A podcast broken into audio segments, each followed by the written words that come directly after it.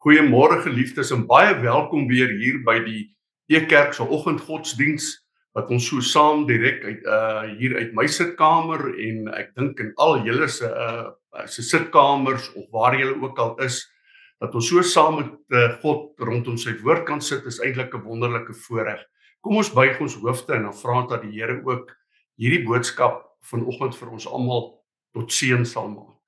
So Hemelse Vader, baie dankie vir u liefde Dankie dat ons weet waar twee of drie van ons bymekaar is, is U ook daar en dat ons mekaar so oor die hele wêreld ehm uh, uh, saam U kan dien. Ons loof U daarvoor, ons prys U daarvoor en dankie ook vir U woord waaroor ons vanoggend kan nadink. Amen.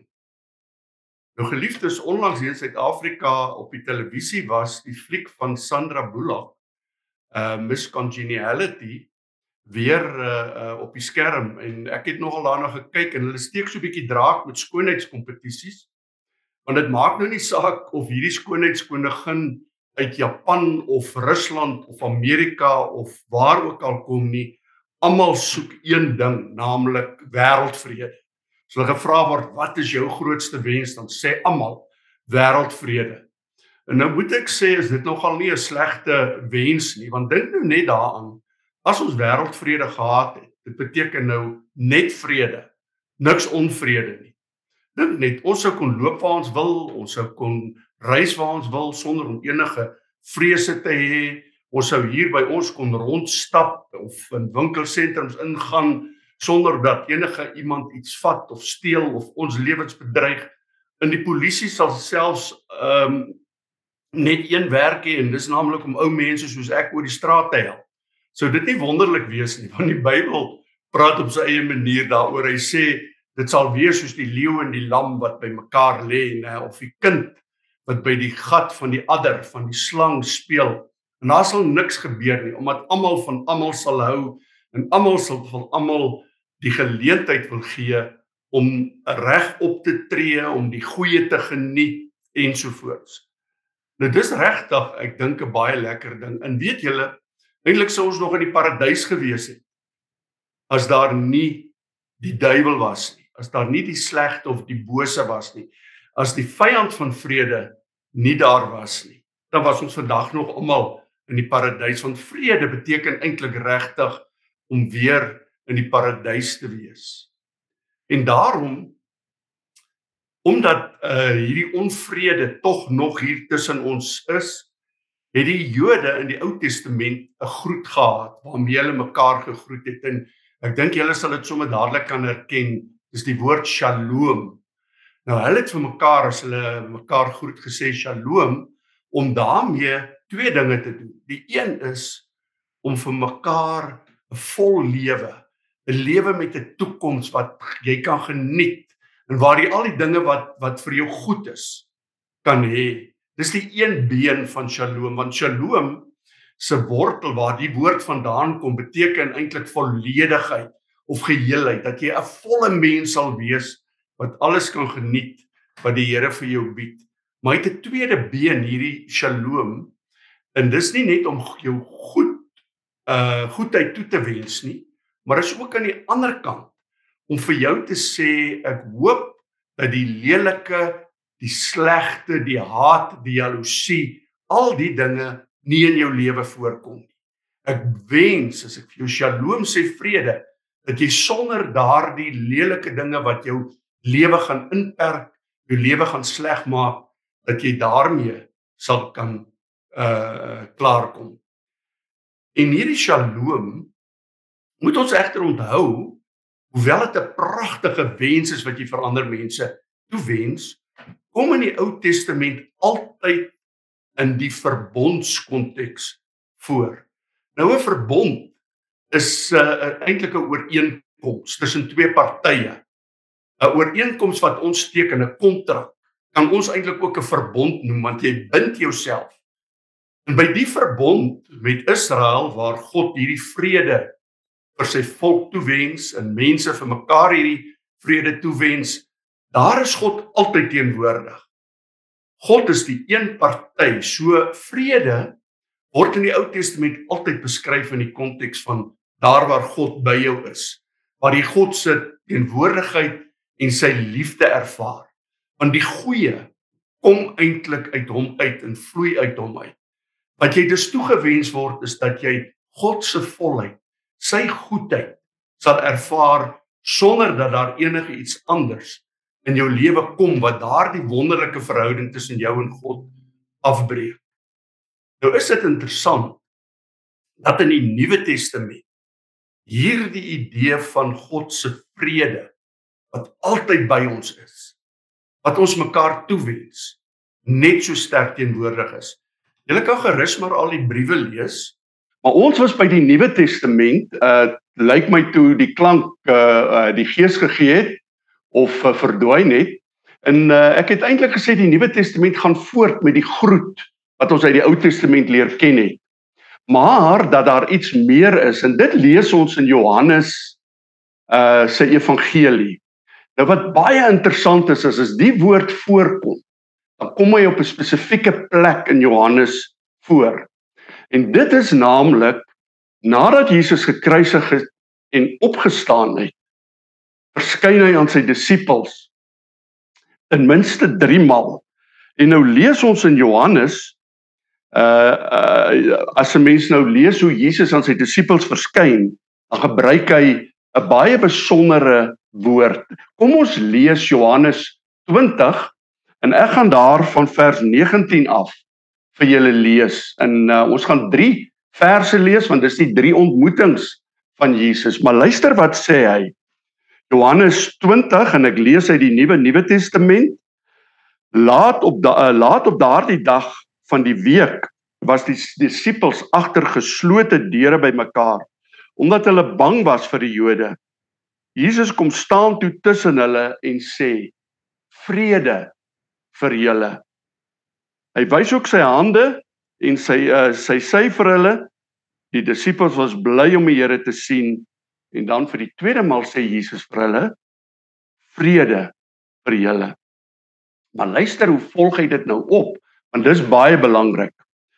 Soos my Vader my gestuur het, stuur ek julle en met hierdie woorde blaas Jesus op hulle ontvang die Heilige Gees as julle mense hulle sonde vergewe sal God dit ook vergewe en as iemand se sonde nie vergewe nie uh as julle iemand se sonde nie vergewe nie sal God dit ook nie vergewe nie en dan die derde plek sê hy ag dae later dis nou in vers 26 Agt dae later was die disippels weer in die huis by mekaar.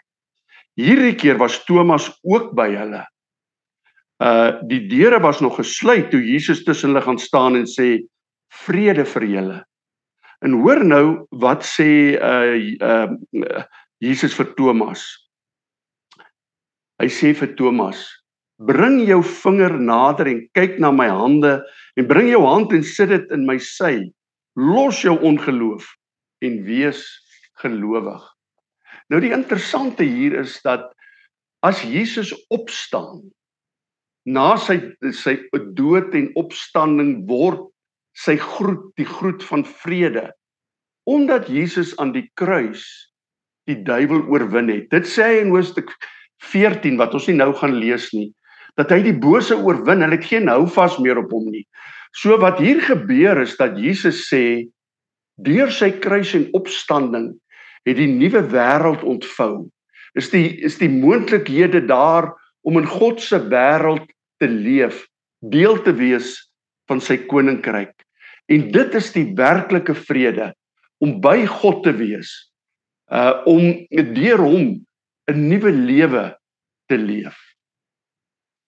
Hy verduidelik dit dan ook in Johannes 14 mooi as hy sê en ek gaan lees as julle dalk julle Bybel het in Johannes 14 vers 27 sê hy as hy vir sy disippels verduidelik wat gebeur dan sê ek laat vir julle vrede na. Dit is my soort vrede en nie die soort vrede wat die mense van die wêreld gee nie. Julle moet dus nie bekommerd wees of moed opgee nie. Hier word dus van twee tipes vrede gepraat. Die vrede van Jesus wat hy gee en die vrede van die wêreld. En Jesus sê eintlik staan die vrede van die wêreld teenoor die vrede wat hy bring. Maar nou wat presies is hierdie vrede wat Jesus bring? Nou die Bybel is vol daarvan en die eerste belangrike ding het ek reeds genoem. Die vrede van Christus kan jy alleen sien deur die kruis van Christus. Dit is kan 'n mens sê jou venster wat jou 'n uitkyk gee hoe Christus se vrede lyk. En dan kan ons gerus lees Kolossense. Want dit is eintlik belangrik om uh, presies te sien hoe hoe die Bybel daaroor nadink. Kan ons gaan kyk na Kolossense uh uh 1 vers 20. Kolossense 1 vers 20. En luister mooi wat Paulus daar sê. Hy sê uh dit het groot vreugde aan God verskaf dat sy eie volheid in Christus woon. En en om deur sy seun alles met homself te versoen sodat almal weer sy vriende kan wees. God het vrede gemaak met almal deur die bloed van Christus aan die kruis. Deur hom is daar vrede vir almal. Met ander woorde wat Paulus hier sê is die venster waardeur jy na God se vrede kyk is Christus. Is sy opstanding. Met deur sy opstanding het jy 'n nuwe identiteit gekry en het jy 'n nuwe lewe gekry. Deur die kruis van Christus het Christus eintlik die koninkryk van God vir ons oopgemaak sodat almal wat deur hierdie venster beweeg deel van daardie wêreld kan word. En daarom uh sê hy omdat dit ons identiteit verander, moet ons dus ons visie op onsself ook verander. Moet ons verander hoe ons onsself sien. Want ons is nou mense wat die nuwe lewe het en met hierdie nuwe lewe moet ons die vrede van God in die wêreld indra. Kyk maar wat sê hy in Filippense 4 uh, vers 7. Kom ek lees dit vir julle. Nou daar staan uh jy moet bid, moenie bekommerd wees nie, dra al jou uh, probleme, bekommernisse aan God op. En as jy so in vertroue en dankbaarheid tot God bid, dan staan daar dan sal God se vrede julle harte en julle gedagtes beskerm. Hy sal dit doen deur Christus. Hierdie vrede is so groot dat julle dit nie met julle verstand kan uitredeneer of met woorde kan uitdruk nie. 'n Vrede wat jou verstand te bowe gaan. Want deur Christus het hy jou 'n nuwe mens gemaak. 'n deel van 'n nuwe wêreld. En daarom het jy eintlik oorwinning oor die bose in jou lewe ervaar omdat jy in Christus hierdie nuwe lewe het. En nou sê Paulus hier verander dis jou gedagtes. Dink daaraan dat jy hierdie nuwe mens is. Dink daaraan dat as jy aan God se kant staan, as jy sy wapenrusting aantrek, as jy deur sy gees leef, dan is jy 'n oorwinnaar. Dan is jy 'n vredemaker. Iemand wat in God se vrede kan leef. En nou te klaar die volgende woord gebruik, vredemaker. Want as jy deur die kruis van Christus besef God het hierdie nuwe wêreld en jy is deel van hierdie nuwe wêreld. En jy moet hierdie nuwe wêreld om omarm, deel maak van jou en besef maar jy is iemand wat met vrede kan leef omdat die bose oorwin is omdat die brullende leeu gebind is hoewel jy vir hom moet oppas moet jy hierdie vrede uitleef. En die Bybel praat pragtig daaroor. Hoor Jesus se eie woorde in Matteus 5 vers 9 gelukkig en bevoordeel is mense wat altyd wil vrede maak want God sal hulle sy kinders noem. Met ander woorde, kinders van God is mense wat vrede bring, vredemakers. Dit gaan verder. As ons byvoorbeeld lees in eh, Markus uh waar Jesus ook praat Markus 9 vers 50. Kom ek lees dit voor. Markus 9 vers 50 staan daar. Ek moet dit net nou gou kry. Ehm um, sout is in die huis is baie handig sê hy. Maar as die sout nie meer werk nie, raak dit nutteloos en kan 'n mens dit ook nie weer uh souterig kry nie. Luister nou. Julle moet soos goeie sout wees. Keer dat dinge onder julle sleg word of skeefloop, leef liewer in vrede met mekaar saam. En dis wat hy in Kolossense 3 vers 15 ook sê. Hoor hoe mooi uh beskryf Paulus dit daar as hy skryf in Kolossense 3 vers 15. Laat die vrede wat Christus gee in julle harte wen. God het julle geroep om een liggaam te wees. As 'n mens na Kolossense kyk 3 wat ons gelees het, dan sien ons dan bou Paulus dit op. Hy sê julle moet vriendelik wees en goed en verdraagsaam. En dan kom hy dan sê julle moet mekaar lief hê. En as hy sy heel hoogtepunt bereik, dan sê hy kyk Christene onder mekaar moet aan een ding uitgeken word. En dit is die manier waarop hulle mekaar in vrede hanteer. Hulle moet soekers na vrede maar wees.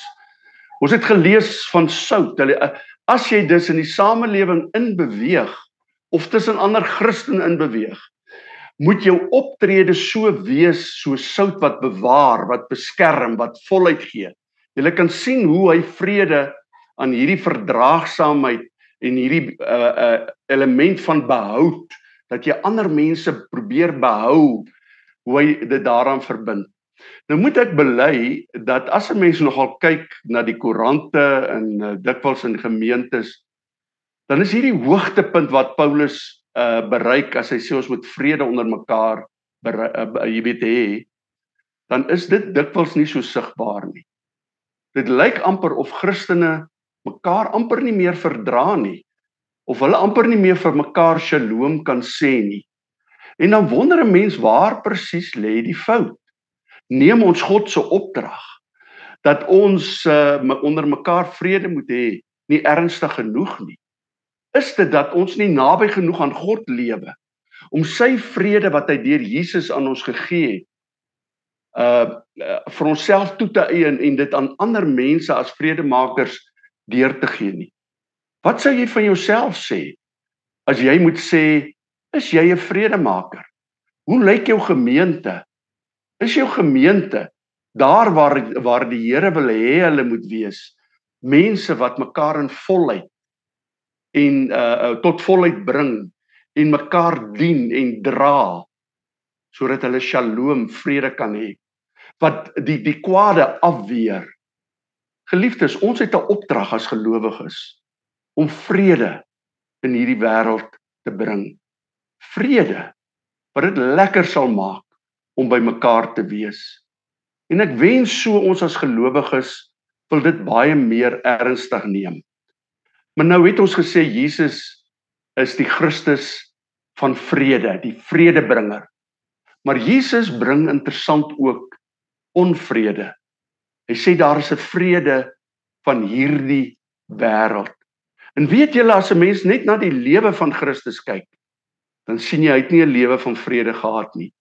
In elke evangelie word daar vertel dat die Fariseërs, sy opponente, sy vyande hom wil doodmaak, hulle wil hom vang, hulle wil hom in die tronk gooi.